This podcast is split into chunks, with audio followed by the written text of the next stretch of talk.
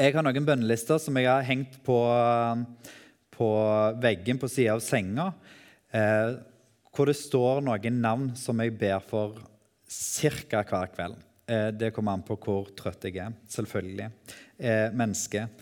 Eh, men jeg syns det kommer fint fram her at det er, det er noe som òg Paulus holdt på med. Han ba fast for sine. Han hadde noen på si bønneliste. Og han ba ikke bare på kvelden, han ba òg på eh, morgenen. Dag og kveld, står det. Eh, og så står det videre her Når jeg minnes tårene dine, lengter jeg etter å se deg igjen, så jeg kan bli fylt med glede. Når jeg minnes tårene dine, så lengter jeg etter å se deg igjen. Paulus og Timoteus må ha hatt en så nær relasjon eh, at de har delt det som har vært utfordrende i livet. Det som har vært mer vanskelig, det som gjør at det presser mer eh, i tårekanalene. For Paulus har tydeligvis vært til stede og sittet og eh, lytta når Timoteus har hatt tårer. Eh, og For meg så eh, syns jeg det er en sånn veldig fin ting. Her om dagen så talte jeg på et mannsmøte på Drottningborg eh, og hadde oppe veldig mange ting. Og En av de tingene som kjennetegner Jesus, er jo også nettopp det at han var en som tørte å grine. Han tørte å slippe tårene, og han tørte å slippe tårene foran folk. Det står bl.a. om eh, Jesus når eh, Lasarus har dødd. Eh, så kommer han eh, og får beskjeden, eller han har jo fått beskjeden tidligere, men så kommer han og får den beskjeden igjen om at han er død. Eh, og så eh, bryter han ut i gråt. Jesus griner og sørger. Eh, og så synes jeg Det er interessant hvordan det i mange sammenhenger er blitt en sånn greie at eh, gutter skal ikke grine, menn skal ikke grine. Eh, jeg har møtt mange i sjelesorg som har en sånn opplevelse av at det, det var ikke greit å grine. Og det var både gutter og jenter. Eh, ei som jeg fulgte i sjelesorg i eh, nesten to år, for en del år tilbake, hun hadde to følelser som var greit å kjenne på. Det var glede og sinne. Det var de to eneste følelsene hun var i kontakt med. Og det tok eh, Ja, det tok vel et halvt år før hun tørte eller klarte å komme i kontakt med andre følelser. Og jeg tenker I forhold til det å speile seg eh, og prøve å ha altså I det å ha Jesus som forbilde, da, eller ha Paulus som forbilde, Timoteus som forbilde, så er det noe som òg rommes i det kristne livet. Det å kunne ha en ærlig relasjon, en åpen relasjon, hvor en tør å blottlegge seg sjøl hvor en tør å slippe tårene fram. Og så er det ikke sånn at selv om jeg eh, på en måte vil eh, gjøre et slag for, for, det at det skal være greit å grine, så tenker ikke jeg at alle skal gå rundt og grine hele tida. Det eh, klarer ikke jeg å presse fram. Jeg tar veldig lett i tårene hvis jeg blir rørt. Veldig lett. Men, men, men, jeg, jeg syns det er noe sunt og godt med at vi skaper eh, relasjoner, og at vi skaper fellesskap hvor det er rom for det. Og jeg tror at vi eh, Jeg tror det gjør noe med oss hvis vi stenger av eh, tårekanalene totalt. Det er klart at det er noen som trenger hjelp for å få det i gang, og det er òg veldig lov. Men Paulus og Timoteus de har tydeligvis en så nær relasjon at der var det rom for det. Og jeg synes Det er også noe fint med det at eh, Paulus nevner det, at eh, han lengter tilbake når han tenker på det. Fordi at eh, I det så ligger det òg en bekreftelse, en sånn farsbekreftelse eller en eh, vennskapelig eh, bekreftelse på at det, jeg savner å ha de nære samtalene som jeg hadde. Jeg savner å ha den nære, trygge relasjonen som jeg og du hadde når vi var sammen. Jeg lengter etter å få se deg igjen, så vi kan ha sånne samtaler igjen. Om alt vi møter i livet.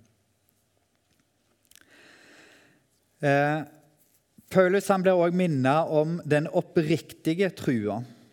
altså ei ærlig tru. Den som eh, Timoteus har arva både fra sin mor og bestemor, eller mormor. Eh, ei ærlig tru. Og jeg tenker på denne gjengen her, det er jo litt sånn der, Når vi leser Paulus sine brev og vi forteller om Paulus og, og misjonsreiser og kall og osv., så, videre, eh, så tror jeg av og til vi lager kanskje et litt sånn glansbilde av og til. At de er sånn derre eh, skikkelige bola disipler som braser gjennom alt, og som eh, tåler all motgang de måtte møte osv. At det blir Jeg vet ikke Sitter vi med en oppfattelse av at det er litt sånn superhelter? At de blir litt lite menneskelige? Ei oppriktig tru det må vel òg bety at det er ei tru som tåler og tør å stille vanskelige spørsmål. Som har behov for å grunne og jobbe med trua si. At trua ikke er bare noe sånn statisk. Hun har kommet på en plass, og der er hun statisk. Men at den er i utvikling, den er i vekst, fordi at vi er i vekst. På samme måte som vi går gjennom livet, så vil òg trua og vandringa med Jesus eh, følge med oss på den vandringa. Jeg vil tro at den oppriktige trua rommer òg det.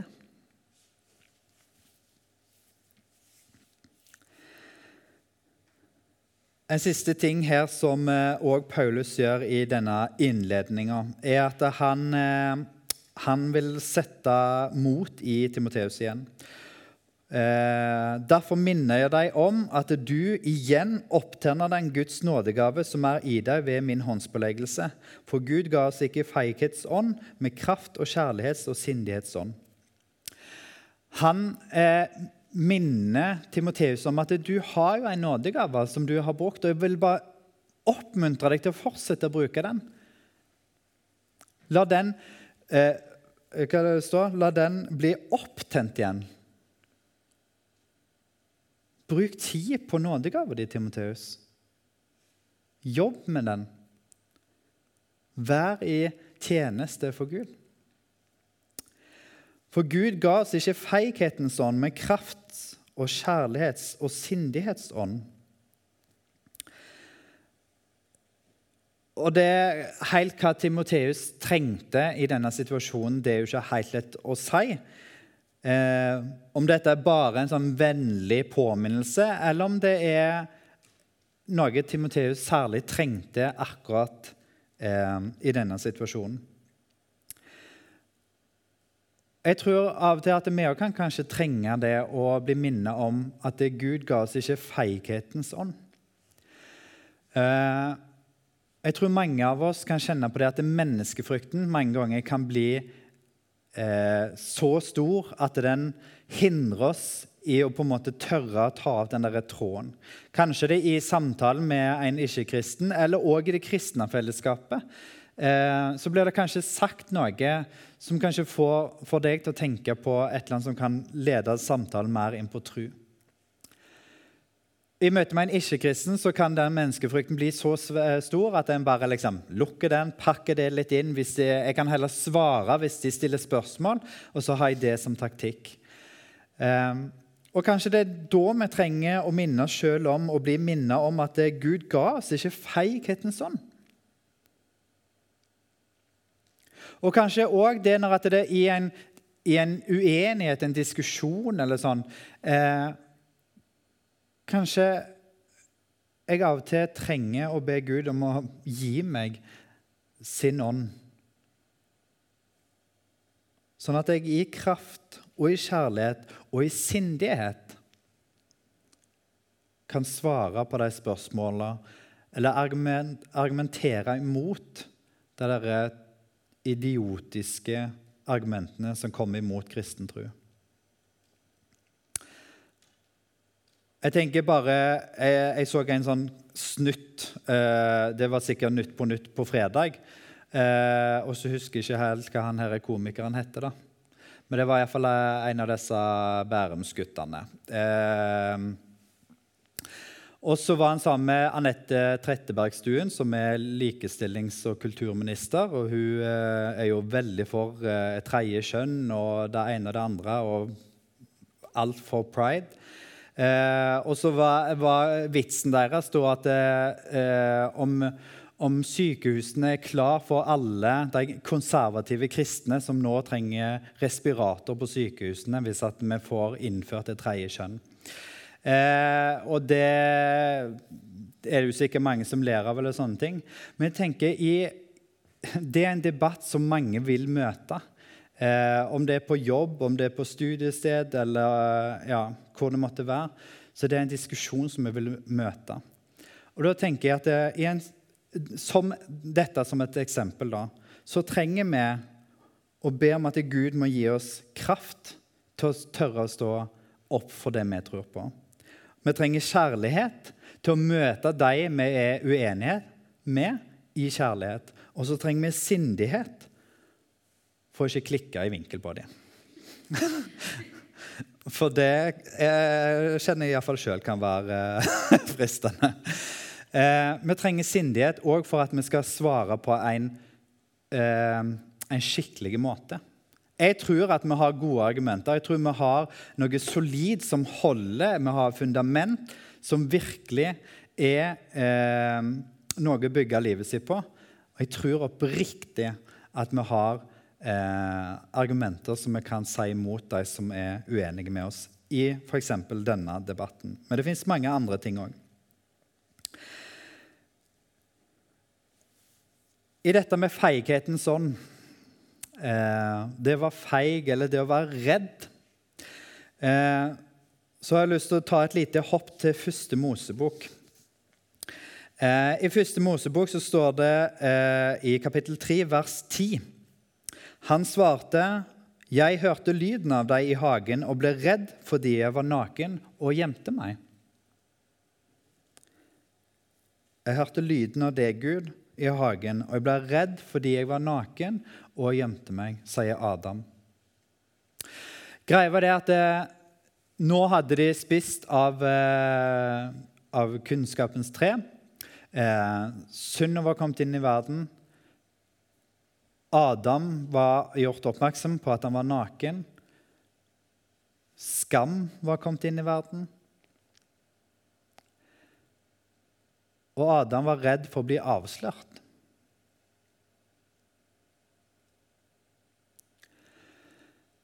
Jeg tror at det og frykten for å bli avslørt er noe som kan være veldig gjeldende for eh, oss alle.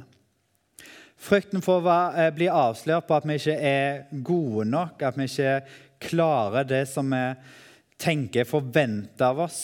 Eh, at det skal bli avslørt at vi ikke er så fine kristne som vi kanskje har lagd et bilde av. Et eksempel hvor vi kanskje er altså, Et vanlig, vanlig, eksempel for mange eh, gutter og menn eh, som ikke har peiling på bil, er jo gjerne sånn når de kommer inn på bilverksted, så er det på en måte eh, Kan en kanskje prøve å eh, etterligne litt kulturen en kommer inn i der. Og så prøver han å gjette litt med, og så sier de at ja, men det er sikkert det som er feil. Ja, det var kanskje, ja, det var det jeg trodde, egentlig. Eh, det er sånn et eh, eksempel hvor mange kan gjøre. Jeg har sjølinnsikt. Jeg blir, blir avslørt idet jeg går inn den døra. Så jeg, jeg, går motsatt vei og spiller enda dummere enn det jeg er. Eh, men frykten for å bli avslørt den tror jeg kan gjelde for veldig mange av oss.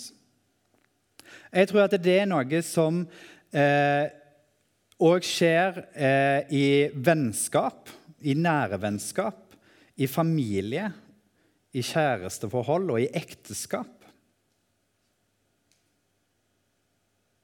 Et eksempel er at eh, vi kan være redd for at vi ikke strekker til enten som mann eller dame. Det var en mann som hadde gifta seg, og allerede dagen etter bryllupet så kom frykten inn. For da innså han at hun her som jeg har gifta meg med, hun skal jo være gift med resten av livet. Og tenk hvis jeg gir alt jeg er som mann, og det ikke er godt nok. Tenk hvis det blir avslørt at det ikke er godt nok når jeg gir alt jeg har. For han så ble den frykten brukt som motivasjon eller som energi til å bli overarbeidet. Eh, reaksjonen på den frykten den kan kanskje se forskjellig ut i forskjellige sine liv. Men jeg tror at det handler noe om at vi òg har noe iboende i oss hvor vi lengter etter å bli bekrefta. Hvor vi trenger å bli sett, hvor vi trenger å bli heia på, hvor vi trenger å eh, eh bli bekrefta på, på det vi er, og på hva vi kan.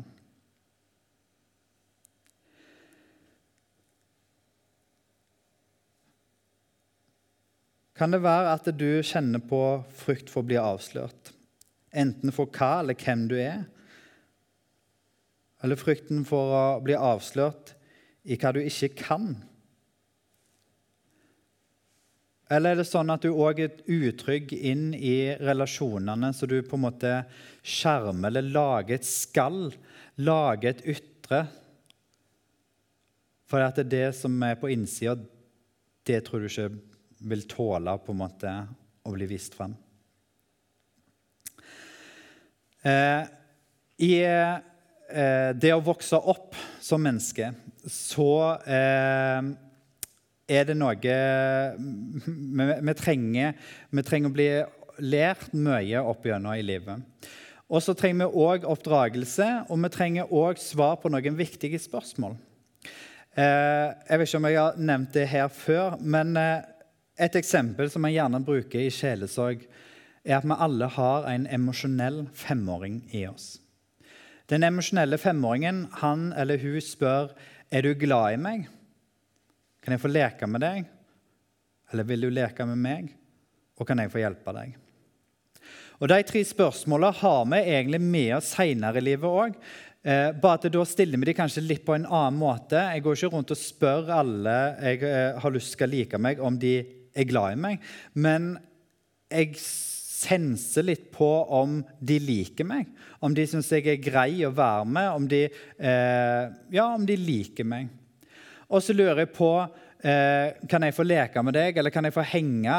Ha, eh, kan, er, dette venn, er, dette et vennskap? Er dette en relasjon hvor det er gjensidig interesse av at vi er venner? Og òg den kan jeg få hjelpe deg, eller behøves jeg? Vil jeg bli savna om at jeg ikke var med? Jeg vet ikke hvor opptatt du er av eh, det å inkludere folk rundt deg. Mange ganger så kan vi eh, snakke varmt om det i kristne sammenhenger. Eh, og så tenker vi at vi må prøve å inkludere hverandre, eh, og det kan vi gjerne gjøre. Men én ting er å inkludere, en annen ting er å kjenne tilhørighet. For hvis du kjenner tilhørighet, da er det sånn at du blir savna hvis du ikke er der. Inkludering kan bare skje på en måte, enten at du får en melding eller og blir invitert, eller telefon eller Snap, eller hva det måtte være, men du må òg nesten være til stede for å bli inkludert.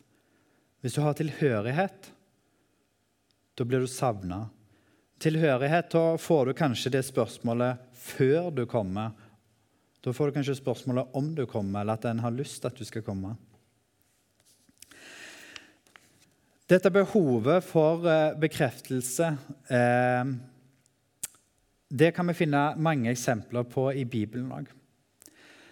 Et eksempel er med Jakob og Esau i kapittel 27 i første Mosebok. og Det, det er jo for så vidt mange kapitler der eh, med dem. Men eh, der var det et eksempel med at eh, de var veldig opptatt av at de skulle få velsignelsen av Isak. I forhold til tradisjonen så var det sånn at det var den førstefødte, altså den eldste, som skulle få velsignelsen av faren. Men begge to ønsket denne her velsignelsen. Esau er eldst, og eh, Jakob, han, eh, altså Mora kommer inn i bildet her og hjelper Jakob til å få liksom, noe pels på armene, for han var glapparbeidt. Si. Han var ikke så hårete som Esau. Eh, og så lager de mat og kommer inn til Isak og får velsignelsen. Det er kanskje et bilde som på en måte er litt vanskeligere å sette seg inn i uten å skjønne på en måte det kulturelle òg inni her. Men jeg syns bare òg det der eksempelet med at begge to hadde behov for den bekreftelsen av far sin.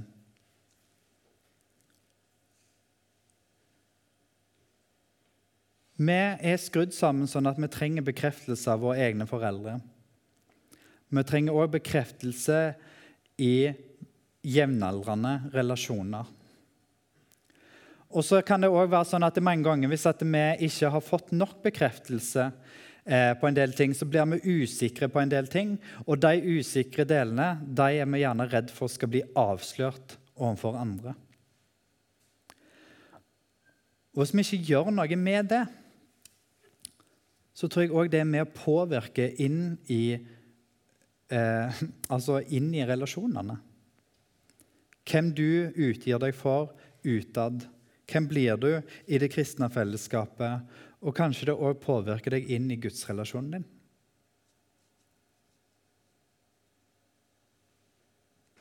Tør du å komme med hele deg?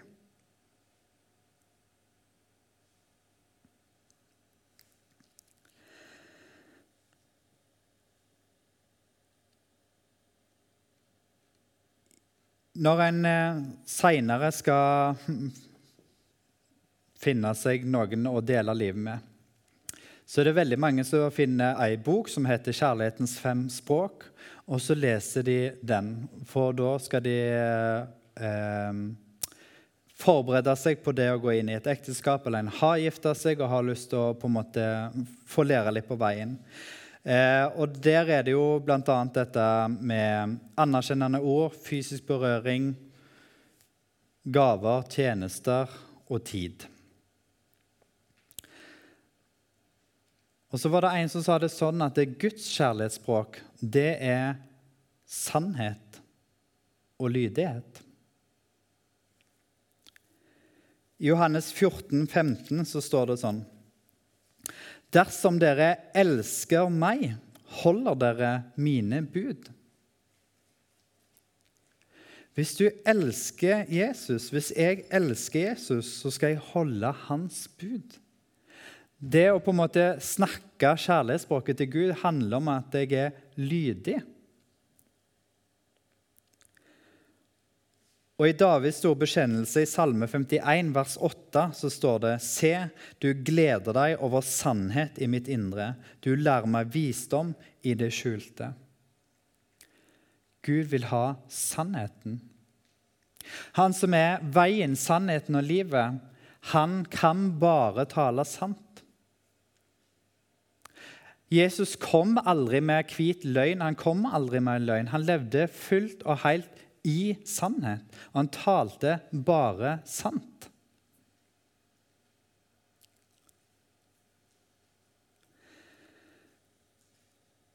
Nå kan kanskje disse to siste versene oppleves litt som på en måte at det blir mer et misjonsfokus. Eh, men det som jeg hadde lyst til å rette litt fokuset på, var at eh, Jesus sier 'la de små komme til meg og hindre dem ikke'. Eh, men jeg tenker òg det gjelder de som føler seg små. Og Det betyr ikke at det nødvendigvis handler om at det er en konstant følelse, eller at du alltid opplever det som, men at du av og til gjør det. Og Da har jeg lyst til å oppmuntre deg til å tale sant om deg sjøl. Først og fremst i relasjon til Jesus, men òg i andre relasjoner. Og kanskje når en på en måte tar disse spørsmålene som eh, femåringen har Har du noen sånne sår? Har du noen eh, savn i livet som, gjør, eh, som kanskje hemmer deg på en eller annen måte, som gjør det vanskelig, enten kristenlivet, vandringen med Jesus eller i andre relasjoner, som gjør at det på en eller annen måte blir utfordrende og vanskelig. Se, du gleder deg over sannhet. Da kan den sannheten være ganske mørk òg. Men greia er at Jesus han gleder seg, uh, gleder seg over sannhet òg når vi taler sant om synd. Fordi at når vi taler sant om synd, så bekjenner vi dette har jeg gjort. Jeg har synda sånn og sånn og sånn. Jeg er en synder. Og så kan vi få lov å be om tilgivelse, og vi får det. I Jakobs brev så blir vi oppmuntra og undervist at bekjenn da syndene for hverandre. I Jakob 5, 16.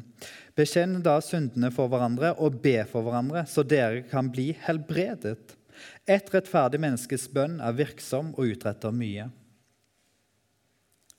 Dette er i forlengelsen av det med salving og bønn å bli helbreda. Men det kan òg være at det er noen sånne emosjonelle sår, noen indre sår som trengs å leges eller helbredes. Og tingen er at Om dette ikke angår deg her og nå, så kan det være at det angår deg seinere, eller du møter det seinere og trenger å bli minnet om dette. her. Og så er det òg det at vi er jo eh, vitner om hele Guds ord. Og Dette kan vi få lov å dele inn i andre menneskers liv. Så om du ikke opplever at dette berører deg så sterkt, så kanskje det er noen i, eh, i din omgangskrets som, som, trenger nettopp dette her.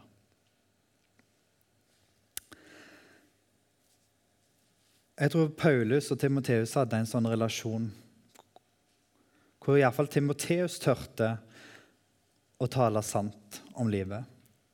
Hvor han talte sant om synd og sant om alt det andre. Og for alt jeg vet, så kan det være at Timoteus hadde noen farsår som gjorde at det å ha en åndelig far gjorde veldig, veldig mye for han. Og jeg tenker også For Paulus, som aldri fikk egne unger, så fikk han noen åndelige barn som han likevel kunne være en åndelig far for. Kanskje seinere en gang i livet det er kanskje litt rart å snakke om det å være åndelig far og mor når at en er studenter. Men kanskje det er, det, vi allikevel åndelige søsken. Og Det kan være at vi seinere òg kan få lov å bli åndelige foreldre. Enten for egne eller andres unger.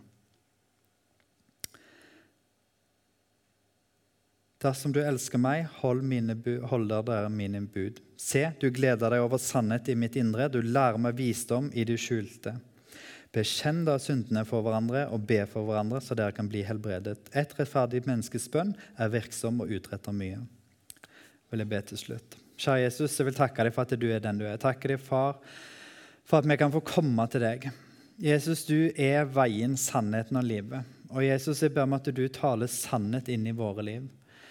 Tal sannhet om synd, men tal òg sannhet om de, de indre sår og eh, feil og alt i sammen, og tal sannhet om hva vi skal gjøre med det. Og Takk, Herre, for at du tåler alt med oss. Takk, Herre, for at vi kan komme, for, komme fram til deg og, og, tale sant om våre liv.